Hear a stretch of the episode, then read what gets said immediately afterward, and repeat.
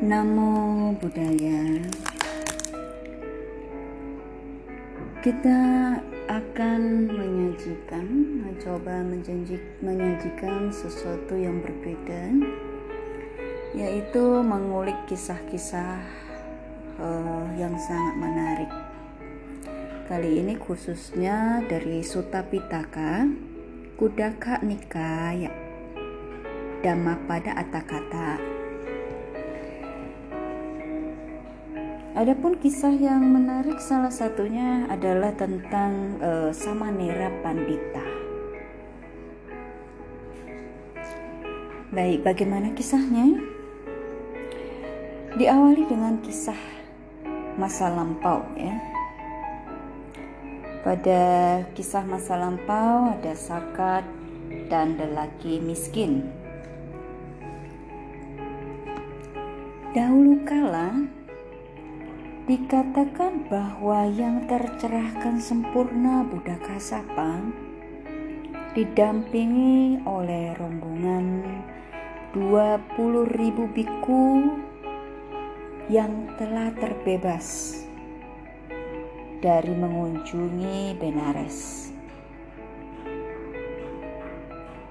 Kemudian para penduduk kota menyadari berkah yang akan mereka peroleh. Membentuk kelompok yang terdiri dari 8 sampai 10 orang dan memberikan derma kepada para biku yang berkunjung. Pada suatu hari, setelah selesai bersantap, sang guru mengungkapkan pernyataan terima kasih dengan berkata sebagai berikut: "Wahai para umat, seorang lelaki di dunia ini berkata kepada dirinya sendiri." Sudah merupakan kewajiban saya untuk memberikan hanya apa yang saya miliki mengapa saya harus mendorong orang lain untuk memberikannya? Maka ia sendiri memberikan derma, namun ia tidak mendorong orang lain untuk memberikan derma.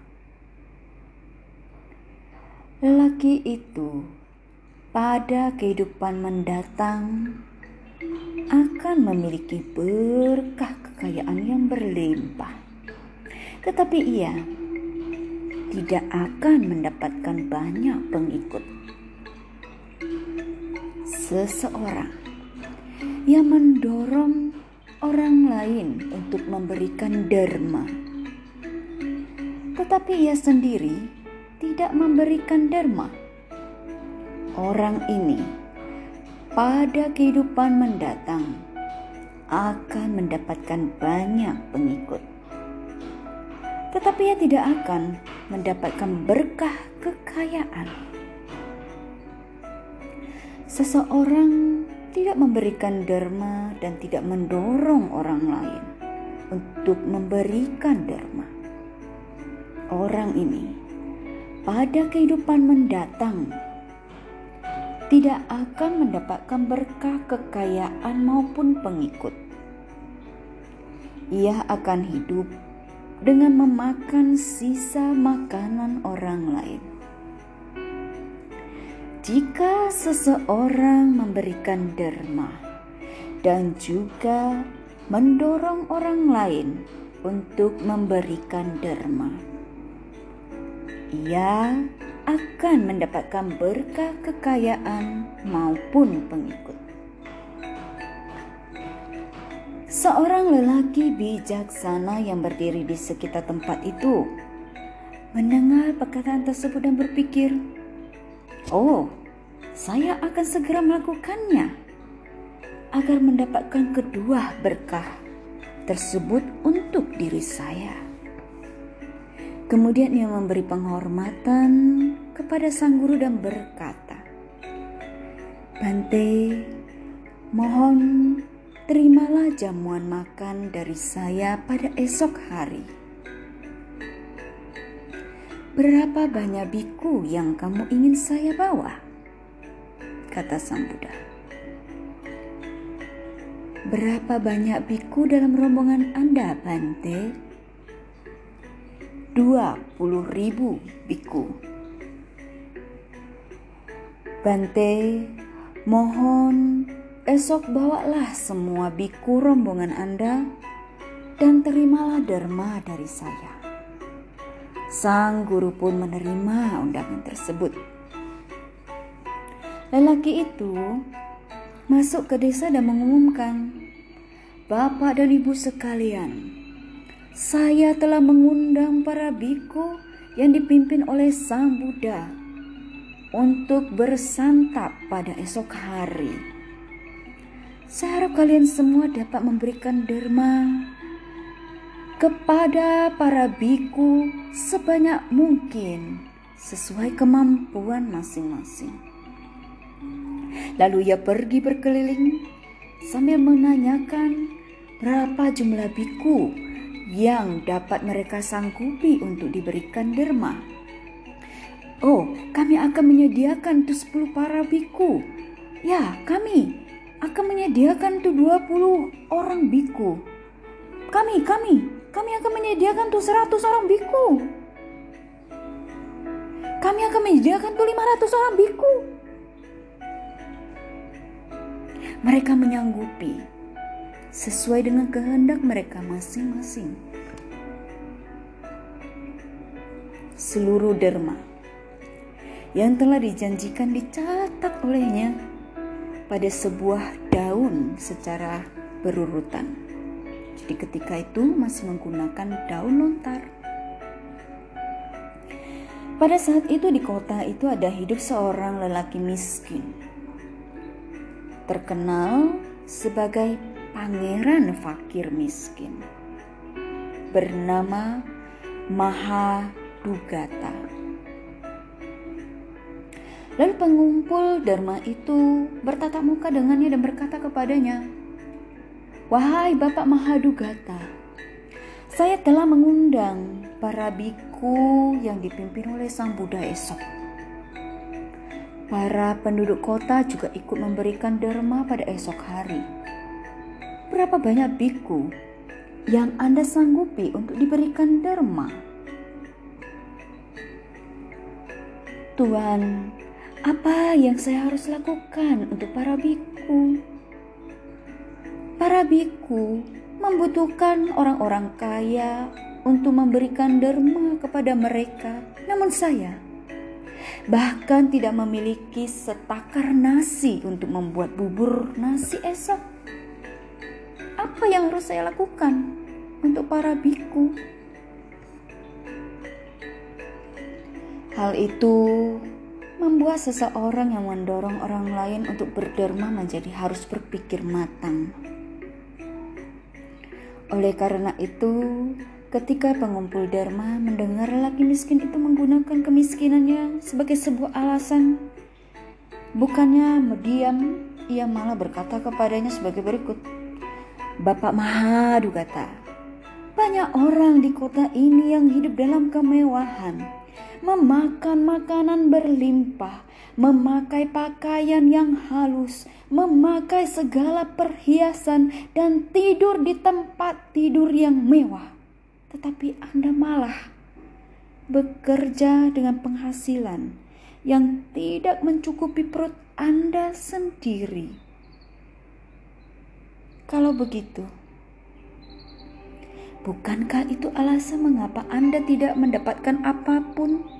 Karena Anda sendiri tidak pernah melakukan sesuatu untuk orang lain? Saya pikir begitu, Tuan. Baiklah, mengapa Anda tidak melakukan sebuah kebajikan sekarang juga? Anda masih muda. Anda memiliki tenaga yang kuat Bukankah, bukankah itu adalah kewajiban Anda untuk mencari nafkah demi memberikan derma sesuai kesanggupan Anda? Ketika pengumpul derma itu sedang berbicara, lelaki miskin tersebut diliputi dengan kemarahan dan berkata, "Tuliskan nama saya di atas daun untuk seorang biku." Tidak peduli seberapa sedikit pun penghasilan yang saya dapatkan, saya akan menyediakan makanan untuk seorang biku. Pengumpul derma itu berkata kepada diri sendiri, "Apa gunanya menuliskan nama untuk seorang biku di atas daun?" Dan batal menuliskan nama tersebut. Mahadugata pulang ke rumah dan berkata kepada istrinya, "Istriku, esok para penduduk desa akan menyediakan makanan untuk sangga. Saya juga diminta oleh pengumpul derma untuk menyiapkan makanan bagi seorang biku. Oleh karena itu, kita juga akan menyediakan makanan bagi seorang biku esok.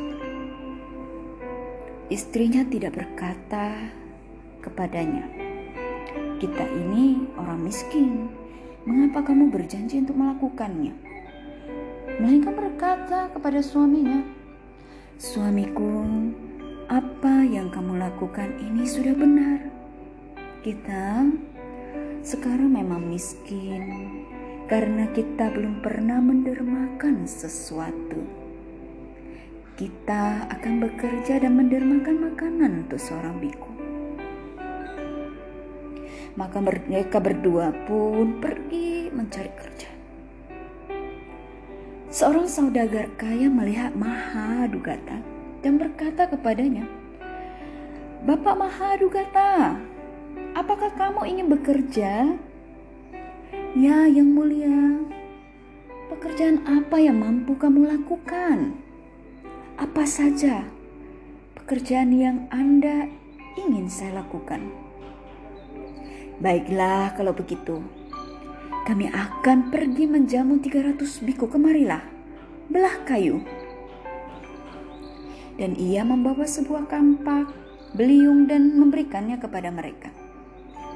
Mahadugata memakai sebuah ikat pinggang yang ketat dan berusaha sekuat tenaga memulai membelah kayu.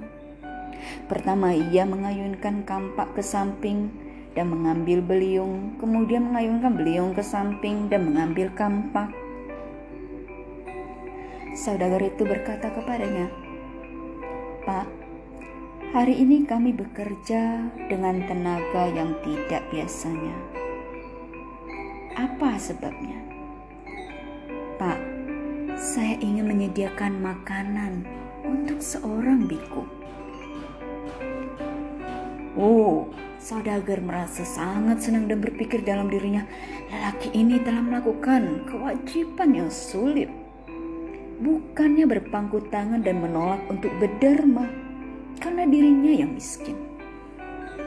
Ia malah berkata, saya akan bekerja dan menyediakan makanan untuk seorang biku. Istri saudagar juga melihat istri lelaki miskin itu dan berkata kepadanya, "Bu, pekerjaan apa yang mampu kamu lakukan? Apa saja pekerjaan yang Anda ingin saya melakukannya, saya akan lakukan."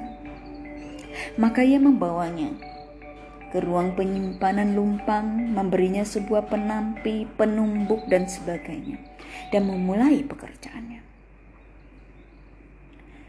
Wanita itu menumbuk dan mengayak beras dengan sangat gembira, seperti sedang menari. Istri saudagar berkata kepadanya, "Bu, mengapa kamu bekerja seperti itu?" Nyonya, dengan upah yang didapat dari pekerjaan ini, kami ingin menyediakan makanan untuk seorang biku Ketika istri saudagar mendengarnya, ia merasa senang dan berkata kepada dirinya sendiri betapa sulitnya pekerjaan yang dilakukan oleh wanita ini. Tatkala Mahadugata telah selesai membelah kayu, saudagar memberinya empat takar beras sebagai upahnya dan empat takar beras lagi sebagai maksud baiknya.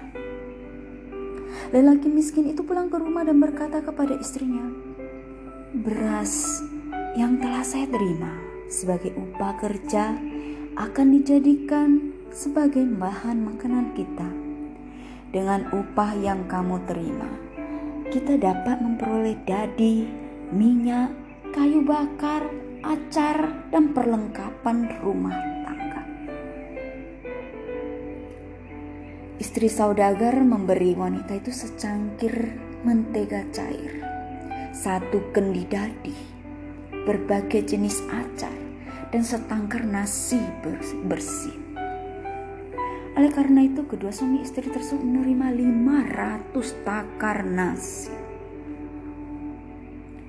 Dengan perasaan sukacita dan puas karena berpikiran bahwa mereka telah mendapatkan makanan untuk didermakan, mereka pun bangun sangat pagi.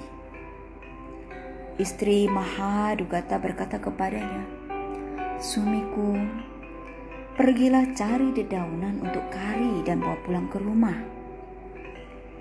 Karena tidak menemukan dedaunan di toko, ia pergi ke tepi sungai. Dan di sana ia berjalan memetik dedaunan sambil bernyanyi, menari, bersuka cita saat berpikir hari ini saya akan memiliki kesempatan untuk memberikan derma makanan kepada para biku yang mulia. Seorang nelayan yang baru saja melempar jala besarnya ke dalam air dan sedang berdiri di dekatnya berpikir, itu pasti suara Maha Dugata. Maka ia memanggilnya dan bertanya, kamu bernyanyi dengan perasaan sukacita. Apa sebabnya? Saya sedang memetik dedaunan teman. Apa yang hendak kamu lakukan? Saya hendak pergi menyediakan makanan untuk seorang biku Betapa senangnya biku yang akan memakan dedaunanmu. Apalagi yang dapat saya lakukan, Tuhan. Saya hendak menyediakan makanan untuknya dengan dedaunan yang telah saya kumpulkan sendiri. Baiklah kalau begitu, kemarilah. Apa yang Anda ingin saya lakukan, Tuhan? Ambillah ikan ini dan ikatlah untuk dijual seharga satu pada, setengah pada dan satu sen uang. Mahadugata melakukan sesuai perkataannya dan para penduduk kota membelinya untuk para biku yang telah mereka undang. Ia masih sedang sibuk mengikat ikan ketika telah tiba waktunya bagi para biku untuk pergi berpindah patah Kemudian ia berkata kepada nelayan itu, "Saya harus pergi sekarang, teman. Sudah waktunya para biku datang. Apakah ada ikatan ikan yang masih tersisa?" Tidak ada, teman. Semuanya telah habis. Baiklah, kalau begitu, ini empat ikan yang saya kubur di dalam pasir untuk saya sendiri. Jika kamu ingin menyediakan makanan untuk para biku, ambillah ikan ini.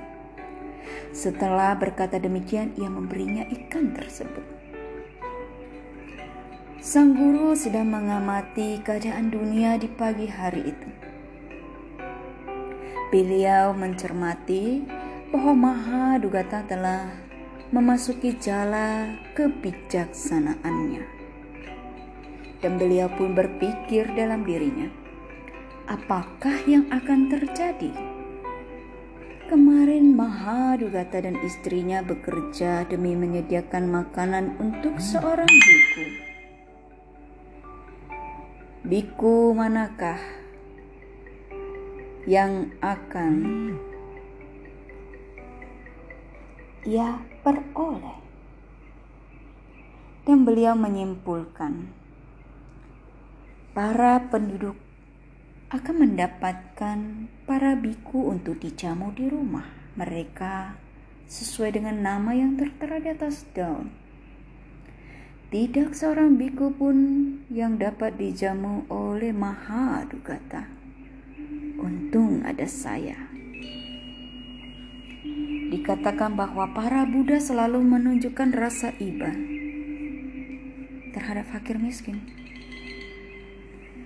Maka ketika sang guru telah selesai mengurus mengurusi badannya di pagi hari, beliau berkata kepada diri sendiri, "Saya akan memberikan kebaikan hati saya kepada Maha Dugata.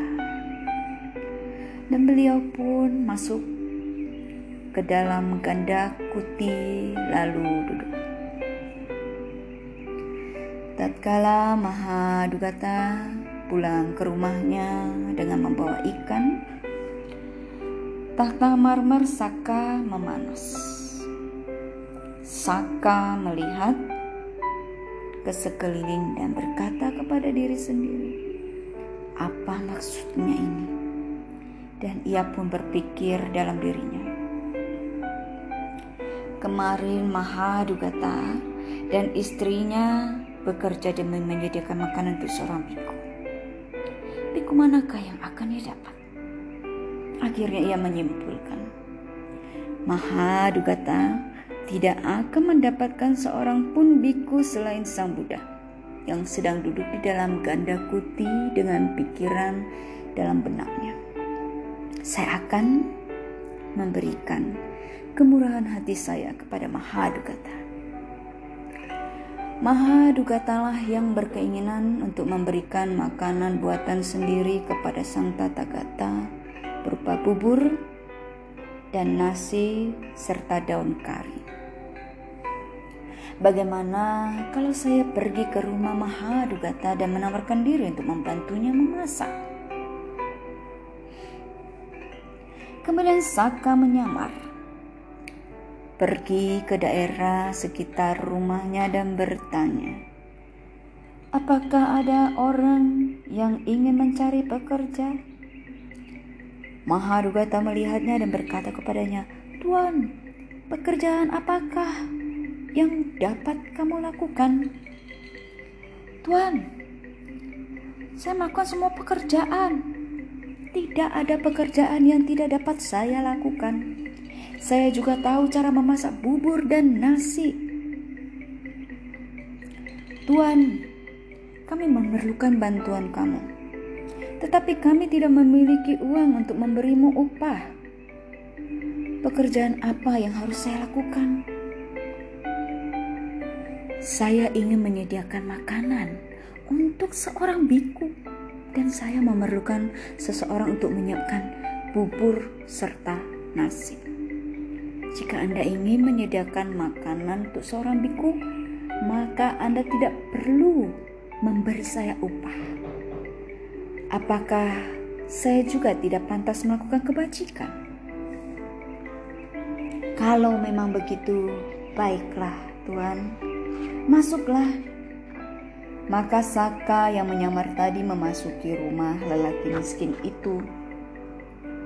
Setelah membawakan nasi dan makanan lainnya, lalu ia pamit kepadanya dan berkata, "Pergilah, bawa piku yang dicatahkan untuk Anda." Pengumpul Dharma tersebut telah mengirimkan para biku ke rumah para penduduk sesuai dengan nama yang tertera di atas daun. Maha Dugata menjumpainya dan berkata kepadanya, "Bawakan biku yang dicatakan untuk saya." Pengumpul Dharma pun segera mengingat kembali pekerjaan yang telah dilakukannya dan menjawab, "Saya lupa mencatatkan seorang biku untuk kamu." Maha Dugata tersentak bagaikan pisau belati menusuk perutnya. Ia berkata, "Tuan, mengapa kamu menghancurkan hidup saya?" Kemarin kamu mengajak saya untuk memberikan derma. Maka saya beserta istri saya bekerja sepanjang hari untuk bekerja. Dan hari ini saya bangun pagi sekali untuk mengumpulkan dedaunan. pergi ke tepi sungai, dan menghabiskan hari untuk memetik dedaunan. Berikan seorang biku untuk saya. Dan ia pun meremas-remas tangannya serta menangis. Orang-orang berkumpul dan bertanya, "Apa masalah yang terjadi, Mahadugata?" Ia memberitahukan kejadian sebenarnya kepada mereka, lalu mereka bertanya kepada pengumpul derma, apakah yang dikatakan oleh lelaki ini benar? Bahwa kamu mendesaknya untuk bekerja dan menyediakan makanan bagi seorang biku? Iya, tuan-tuan. Kamu telah melakukan kesalahan yang besar Ketika mengatur undangan untuk begitu banyaknya biku, kamu gagal menjatakan seorang biku pun kepada orang ini. Pengumpul derma itu dibuat susah oleh perkataan mereka dan berkata kepadanya, Mahadugata, janganlah hancurkan hidup saya. Kamu membuat saya dalam kesusahan Para penduduk telah membawa para biku yang dijatakan ke rumah mereka sesuai dengan nama yang tertera di atas daun. Dan tidak seorang pun biku di rumah saya yang dapat saya bawakan untukmu. Namun sang guru kini sedang duduk dalam ganda kuti. Setelah baru membasuh wajahnya, dan tidak ada raja, pangeran, panglima, serta orang lain yang datang melayani kebutuhan beliau. Serta membawa patah beliau dan mendampingi beliau selama perjalanan. Para Buddha biasanya menunjukkan rasa iba terhadap seorang fakir miskin. Oleh karena itu, pergilah ke wihara. Berikan penghormatan kepada sang guru dan katakan kepada beliau, "Saya adalah seorang lelaki miskin bate. Mohon berikanlah kebaikan hati Anda kepada saya." Jika kamu memiliki jasa kebajikan, maka kamu pasti akan mendapatkan apa yang kamu inginkan. Maka Mahadugata pun pergi ke wihara. Ia sebelumnya pernah terlihat di dalam wihara sebagai seorang pemakan makanan sisa. Oleh karena itu, para raja, pangeran, dan orang lain berkata kepadanya, Mahadugata, sekarang bukan jam makan. Mengapa kamu datang kemari? Tuan, tuan, ia menjawab. Saya tahu bahwa sekarang bukanlah jam makan, tetapi saya datang kemari untuk memberikan penghormatan kepada sang guru. Kemudian ia pergi ke dalam ganda kuti, menundukkan kepalanya di depan pintu, memberikan penghormatan kepada sang guru dengan bernama Skara. Ketika setelah memberi penghormatan kepada sang guru, ia bernama Skara kemudian berkata, Bante, di kota ini tidak seorang pun yang lebih miskin daripada saya. Mohon jadilah tempat berlindung bagi saya. Mohon berikanlah kebaikan hati kepada saya. Sang guru membuka pintu ganda kuti, meletakkan patahnya, dan menaruhnya di kedua tangan orang miskin tersebut. Maha Dugata seolah telah mendapatkan kejayaan dari sang penguasa dunia. Para raja, pangeran, orang-orang saling memandang satu sama lain. Ketika sang guru memberikan patahnya kepada seorang lelaki, tidak seorang pun yang berar, berani mengambil dari beliau dengan paksaan. Namun, mereka malah berkata, Tuhan Maha Dugata, berikan patah sang guru kepada kami. Kami akan memberimu semua uang ini untuk patah tersebut. Kamu adalah seorang lelaki miskin. Ambillah uang ini. Apa yang kamu butuhkan dengan patah tersebut? Maha Dugata berkata, "Saya tidak akan memberikannya kepada siapa pun." Saya tidak membutuhkan uang. Semua keinginan saya hanyalah menyediakan makanan untuk sang guru. Semua orang tanpa terkecuali memintanya untuk memberikan patah itu kepada mereka, tetapi mereka gagal mendapatkannya. Mereka pun berhenti meminta. Raja berpikir dalam dirinya, uang tidak akan dapat menggoda Mahadugata untuk menyerahkan patah itu, dan tidak seorang pun yang dapat mengambil patah yang telah diberikan oleh sang guru tanpa seizin darinya. Namun, seberapa banyak pemberian derma lelaki itu? Saat tiba bagi dirinya untuk memberikan derma, saya akan membawa sang guru menepi ke samping, membawa beliau menuju ke rumah saya dan memberikan makanan yang telah saya siapkan untuk beliau. Pikiran inilah yang muncul dalam benaknya ketika mendampingi sang guru. Saka sang raja para dewa menyiapkan bubur nasi, nasi, daun kari, dan makanan lainnya. Menyiapkan sebuah tempat duduk mahal untuk sang guru dan duduk sambil menunggu kedatangan sang guru. Maha Dugata mengantarkan sang guru menuju rumahnya dan mempersilahkan sang guru masuk. Rumah yang ditempatinya sangat rendah sehingga tidak dapat masuk ke dalamnya tanpa menundukkan kepala. Namun para Buddha tidak pernah membungkukkan kepala mereka ketika memasuki sebuah rumah. Tatkala mereka memasuki sebuah rumah, bumi akan tenggelam turun, ataupun rumah tersebut yang naik menjadi tinggi. Inilah buah kebajikan dari pemberian derma yang telah mereka lakukan. Dan ketika mereka telah berangkat dan pergi, semuanya pun kembali seperti semula. Oleh karena itu, sang guru memasuki rumah itu dengan berdiri tegak.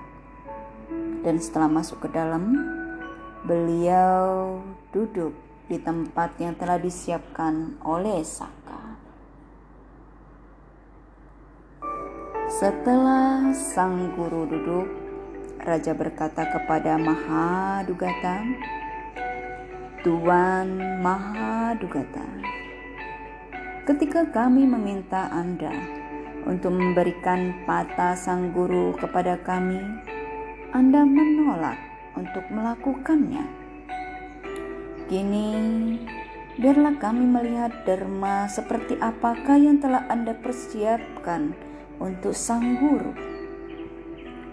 Pada saat itu, Sang Saka membuka wadah makan dan menunjukkan bubur nasi, nasi, dan makanan lain.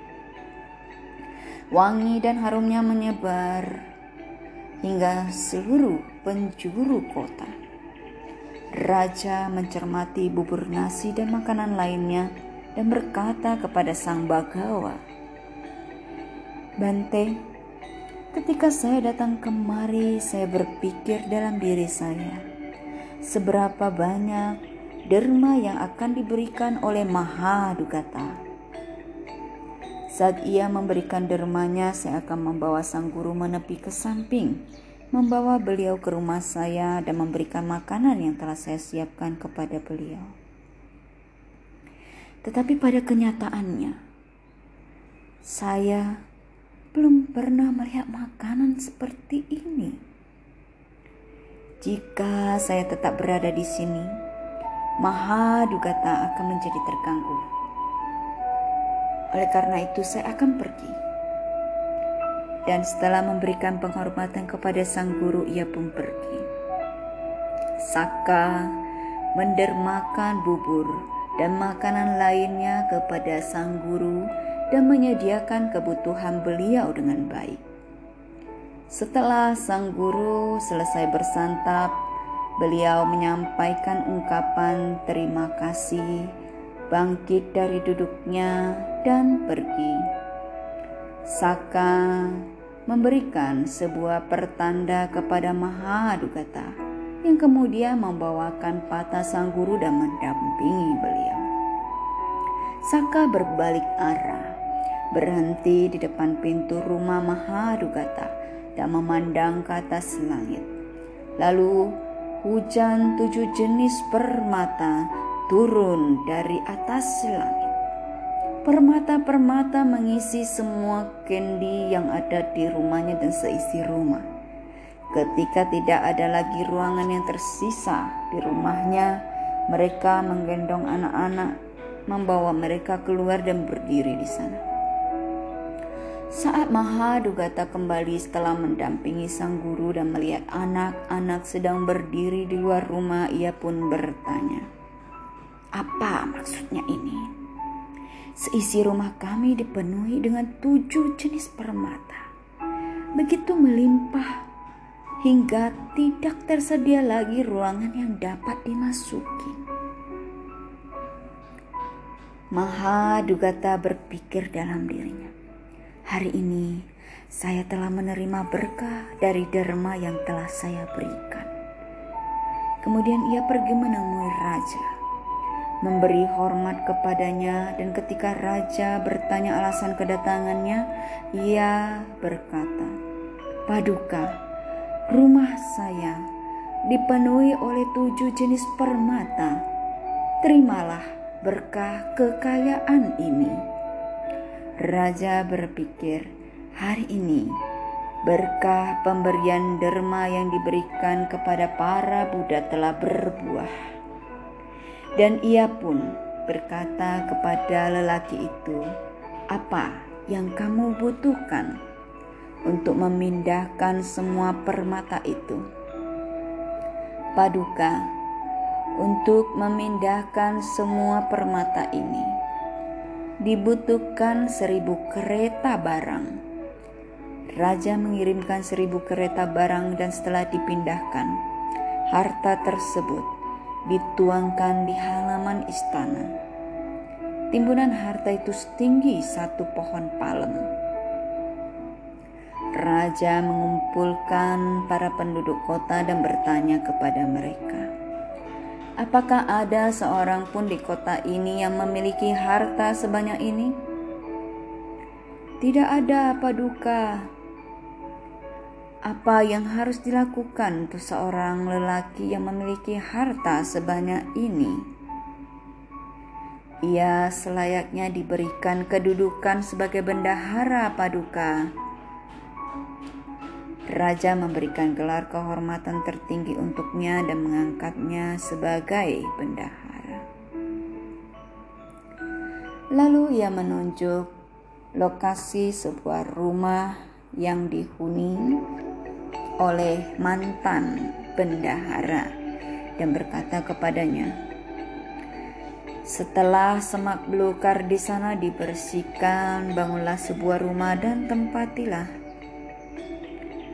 Ketika tanah telah dibersihkan dan diratakan, kendi besar yang berisi harta bersinar hingga saling bersentuhan. Saat Mahadugata melaporkan hal ini kepada raja, raja pun berkata, "Karena jasa kebajikanmu lah, kendi-kendi ini bersinar. Kamu sendirilah yang pantas memilikinya."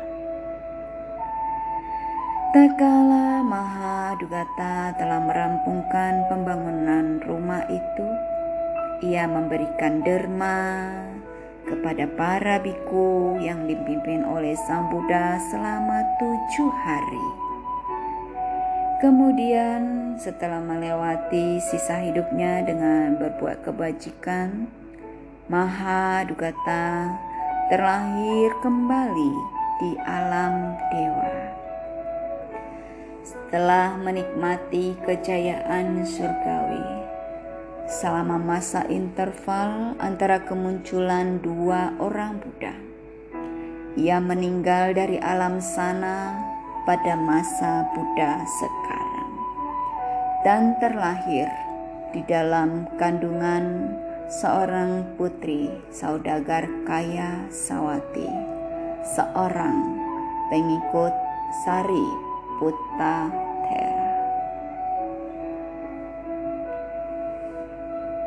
Demikian kisah masa lampau tentang Pandita Samanera.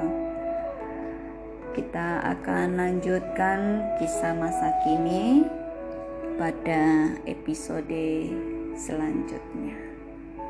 Terima kasih untuk semua yang telah mendengarkan Dhamma pada hari ini. Semoga semua berkah, kesehatan, kesejahteraan, kemakmuran ada pada Anda sekalian para dermawan. Sabe sata bawantu sukitata. Sadu, sadu, sadu.